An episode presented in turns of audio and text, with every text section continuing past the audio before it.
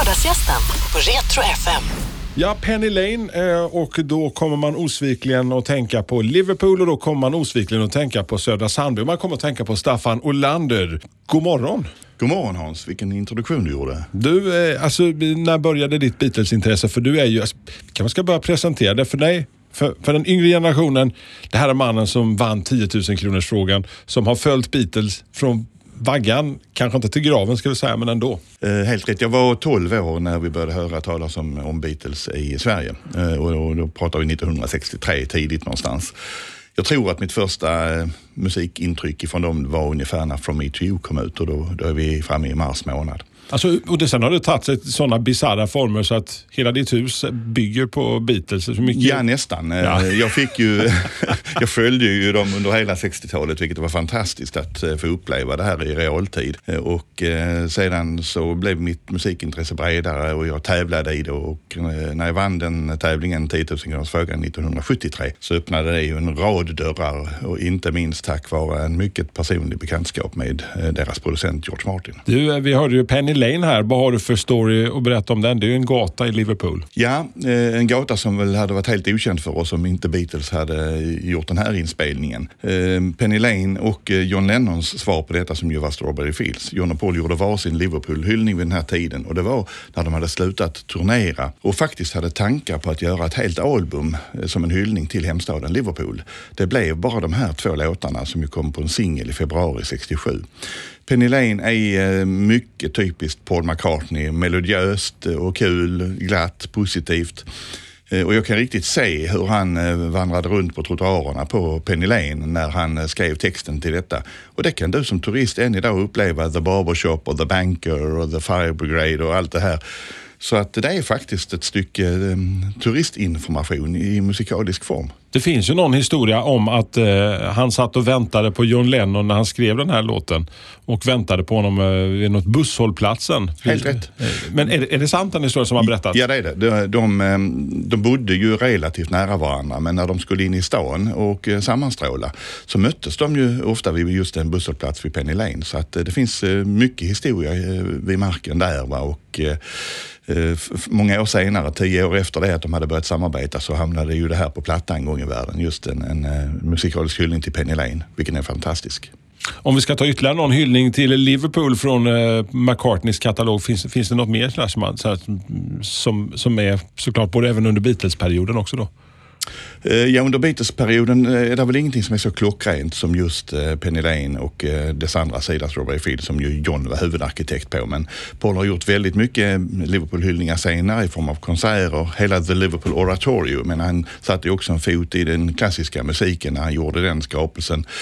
Och han har ju också köpt eh, sin gamla skola, Liverpool Institute, och döpt om den till Liverpool Institute for Performing Arts, alltså LIPA i kortform, som Paul finansiera Och det är helt enkelt en, en sorts eh, eh, utbildning för människor som vill in i den här industrin, eh, musik och entertainment och så vidare. Och den invigdes eh, under pompa och ståt av Paul och drottning Elizabeth faktiskt i Liverpool. Så han har gjort otroligt mycket för sin hemstad senare. Men vi ska komma ihåg att Beatlarna var inte själva eh, profeter i sin hemstad som ju eh, man ofta säger. Eh, Utan det var ju först långt efter Beatles-epoken som Liverpool förstod värdet av att, att Beatlarna kom därifrån och började att Vårda där liksom så ja. Ja, och, och byggde en staty. Den, den kom ju bara för några år sedan eh, nere på The Pierhead i, i hamnen. Men man har tagit vara på Beatlesarvet på ett otroligt fint sätt och flygplatsen där heter ju John Lennon International Airport till exempel. Nu den här helgen så är vi en hyllning till Paul McCartney. Han kommer ju till Köpenhamn här nu. Eh, Paul som har hunnit fylla 76 år Mm och några dagar till. Ska du gå på konserten här nästa vecka? Nej, faktiskt inte Hans. Så eh, jag tror att många blir förvånade när jag säger nej. Men eh, jag tycker inte det ger mig själv så himla mycket om jag ska vara alldeles ärlig. Eh, att sitta i detta jättestora folkhav och se Paul McCartney som ett frimärke längst bort på en, en skärm. Jag har eh, så många andra personliga upplevelser med honom och varit på konserter där vi bara har varit 200 inbjudna gäster och så vidare. Och med, det går inte att toppa den upplevelsen som jag har, så jag, jag lever hellre på de minnena. Rösten eh, börjar ju bli lite en gammelmans nu också, på något vis. Ja, de senaste fem eh, eller kanske uppåt tio åren har hans röst tyvärr försämrats. Och det är väl en yrkesskada helt enkelt, så det får vi förlåta honom för. Men han är ju fortfarande lika aktiv och trevlig på scenen och naturligtvis under underbar att lyssna till men eh, det är inte samma röst som tidigare. Om vi ska försöka beskriva honom som person, alltså vi, vi har alla minnen, vi har sett, eh, sett eh, filmklipp på tv, vi har googlat upp dem, vi har läst dem när vi plugg, läste musik i skolan. Men du som har träffat Paul, vad, vad, är han för person, alltså den person du har lärt känna? Jag skulle vilja säga att en otroligt positiv och trevlig kille och fortfarande hyggligt med fötterna på jorden, vilket jag högaktar honom för. Eh, han är dock eh, efter mordet på John Lennon omgiven av eh, livvakter och annat. Väldigt många till och med när man träffar honom. Så att den där riktigt personliga kontakten som man kunde ha när man såg honom de första gångerna, den är omöjlig att uppnå idag därför att han har det skyddet runt omkring sig. Och det, det räcker nästan att du hostar för att de ska hoppa till och undra vad är det nu som är på gång att hända. Så att Paul, är densamma men du når inte honom på samma sätt längre skulle jag vilja säga. Om vi ska plocka fram någon eh, McCartney-låt som inte kreti och pleti känner till. Alltså om du skulle få välja någonting här och nu, Staffan. Oj, vilken svår fråga. Jag, eh, jag blev nästan svarslös därför att det finns ju så otroligt mycket i arvet efter Paul som man skulle kunna plocka fram. Eh, jag är ju väldigt glad för när jag eh, har gjort radioprogram och annat själv också att, att presentera lite mindre kända alster trots allt. Ja, att, låt oss göra det. Ja, men då, då tittar jag lite grann på vad jag skickade över till, till dig häromdagen och varför inte lyssna på honom tillsammans med Tony Bennett i The Very Thought of You. Åh, en riktig crooner här. Riktigt ja, så. ja, det är inte många som har hört den tror jag. Nej. 2006 gjorde de den ja, tillsammans. Då tar vi och bjuder på den. Mm.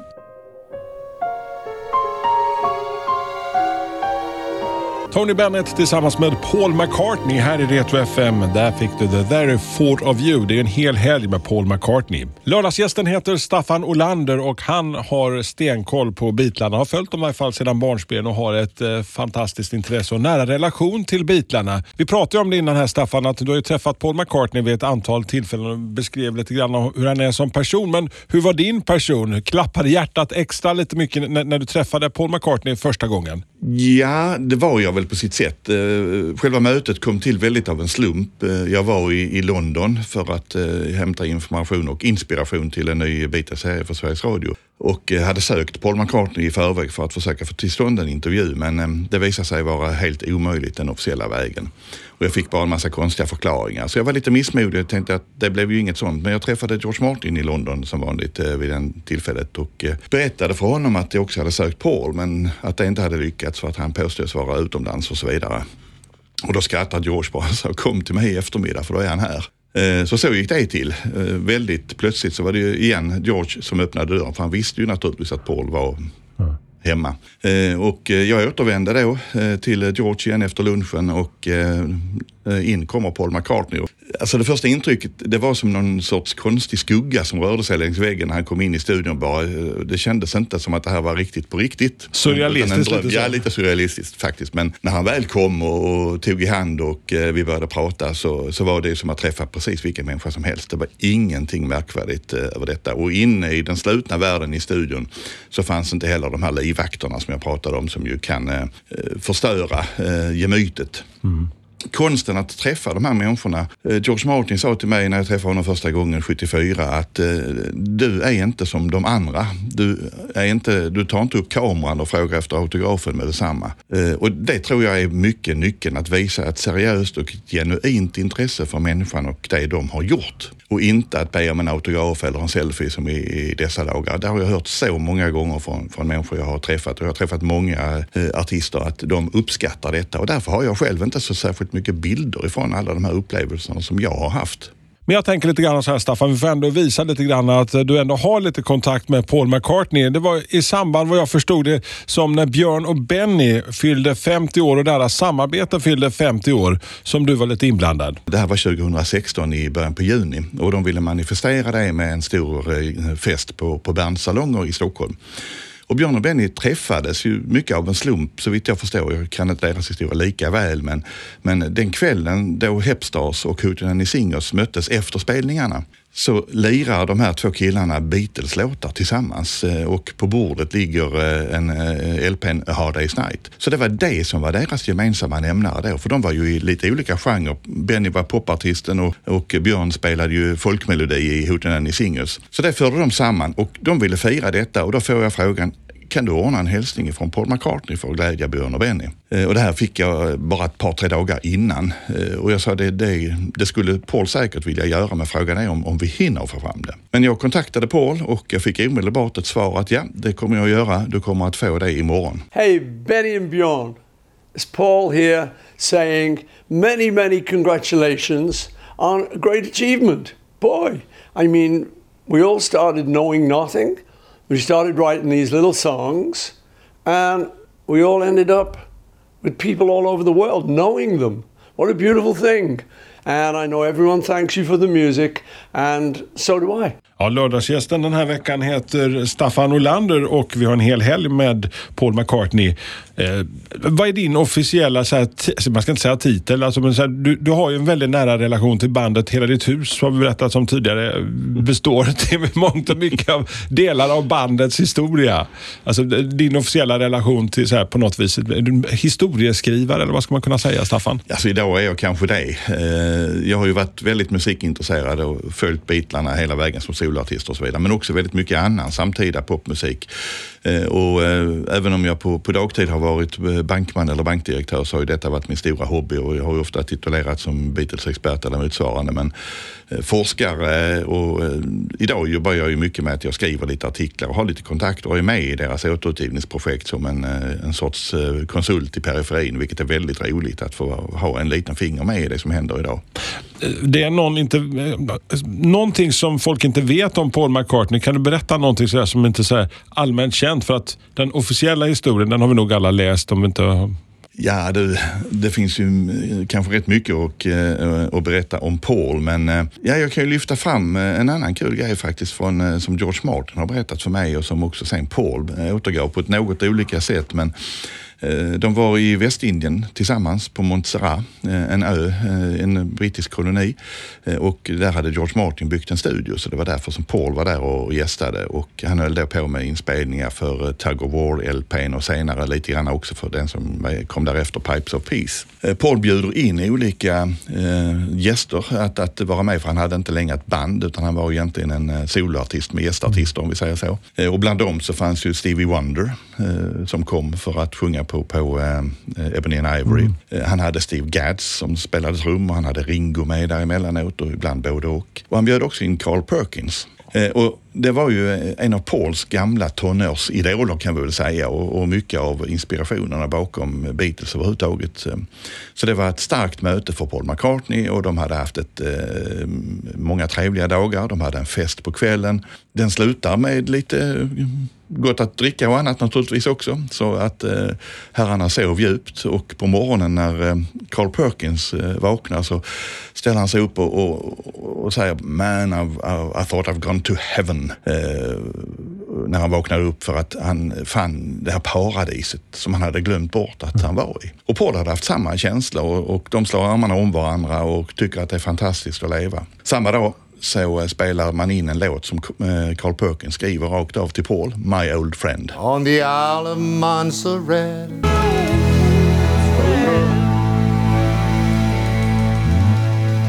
Ja, det är lördagsgästen på plats i Retrostudion. Han heter Staffan Olander och eh, ja, mycket om Paul McCartney den här helgen i Retro FM. Din första konsert där du såg Beatlarna eller Paul McCartney, vilket år var det Staffan? Eh, det var när Paul McCartney var i Lund faktiskt eh, 1972, 11 eh, augusti. Då var han ute på en första Europaturné med sin dåvarande grupp Wings.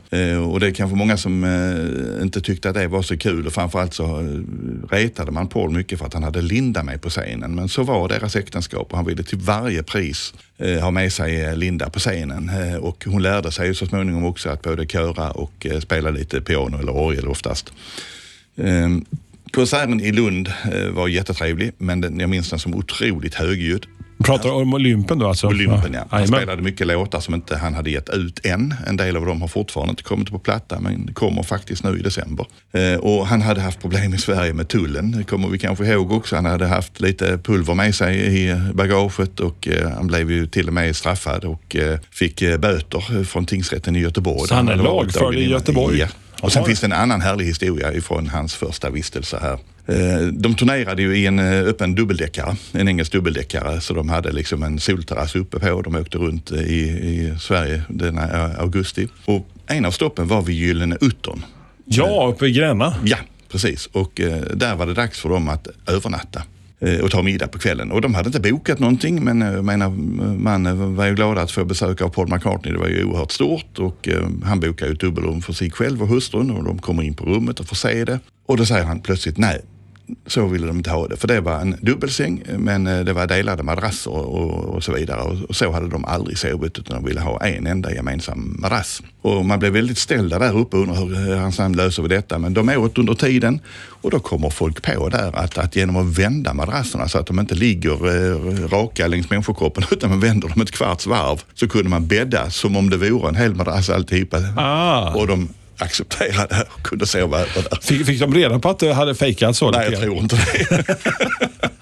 Lördagsgästen i Retro FM heter Staffan Olander och det finns väl ingen som har bättre koll på Beatles och framförallt Paul McCartney än just Staffan. Så jag tänkte det var passande den här helgen. Staffan, vi har ju pratat om att du har ju träffat Paul McCartney vid ett antal tillfällen. Vi måste ju ändå beröra de andra bitarna även om den här helgen är till Paul McCartneys ära. Hann du träffa John Lennon och George Harrison till exempel? Har du träffat Ringo?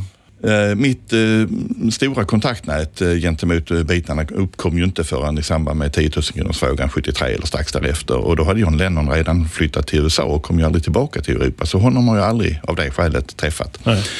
Eh, Ringo eh, var den första jag träffade annars eh, i samband med att jag var delaktig i en intervju för TVs Sveriges Magasin eh, 1976 tror jag det var. Och det var också ett jättekul möte och han var väldigt personlig och vi har väl haft den mest personliga relationen han och jag när det gäller de, de två bitarna jag har träffat och den andra är ju då Paul. George Harrison var jag väldigt nära att träffa för att jag jobbade och skrev en bok om George Martins liv och då jobbade jag i flera år ihop med ett förlag i London som heter Genesis Publications och ägaren där var var bäste vän med George Harrison eh, så att eh, George var ofta inne där men det råkade vara så att när han var inne så var jag ute och tvärtom. Men du, där en dag när jag satt och jobbade med den här boken så, så dyker det in en man i rummet och säger May I use the scanner?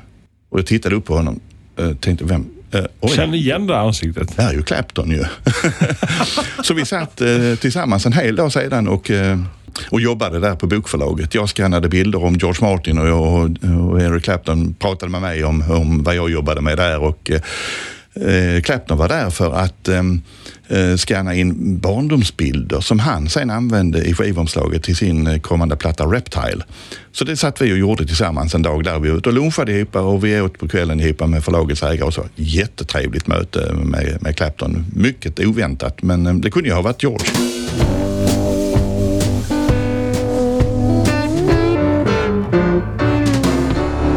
Lördagsgästen den här veckan heter Staffan Olander. En kille som är riktigt fena på Beatles och eh, i synnerhet Paul McCartney som vi hyllar den här helgen. En hel helg med Paul McCartney. Till sist här nu, eh, Staffan, innan vi tar och rundar av. Alltså, eh, önskemål på någonting som du tycker att vi borde spela, någonting som kanske inte Kreti och Pleti har hört. Så får jag två önskemål eh, kvar. Ett kort och ett eh, normalt. Okej. Eh, Och det korta är det här med, med Paul McCartney och hans specialarrangemang för Radio One. Ja, det Den har vi ett klipp här ja. ja George Martin hade ju fått skriva Theme One som Radio One startar sina sändningar med, alltså BBCs Radio One varje dag i, England fortfarande. Och Paul lär ha varit grön av avund över att inte han fick den frågan. Han ville göra radiojingel helt enkelt. Yes. Eh, Och därför fick han flera år senare ett bud ifrån eh, Radio One lokalt i Merseyside, alltså Liverpool-distriktet, att göra en jingle för dem. Och den är det nog inte många i Sverige som har hört, så att den kan du ju köra. Den är 20 sekunder lång.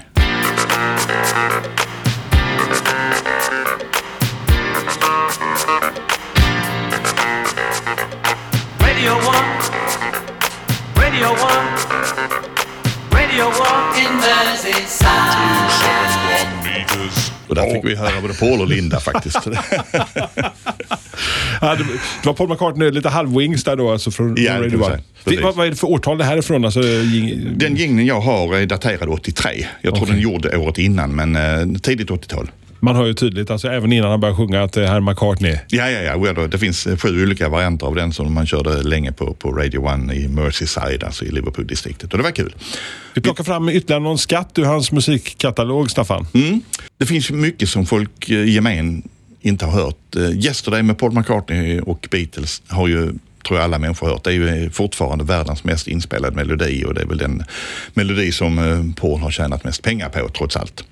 Men ehm, Och den som kom till honom i en dröm också. Ja, exakt. Det finns lite olika stories. Men han brukar säga att han drömde melodin och eh, så småningom så skrev han då en text och den första texten fick ju arbetsnamnet Scrambled Eggs. Och ibland har man hört Paul nynna på de första textraderna ungefär. Va? Men härom året när han var i en amerikansk tv-show hos Jimmy Fallon så fick han frågan, kan du tänka dig framföra den med originaltexten? Ja, säger Paul och så hoppar han upp. Du, eh, vi tar och njuter av lite Paul McCartney den här helgen. Tack för att du kom, Staffan. Tack.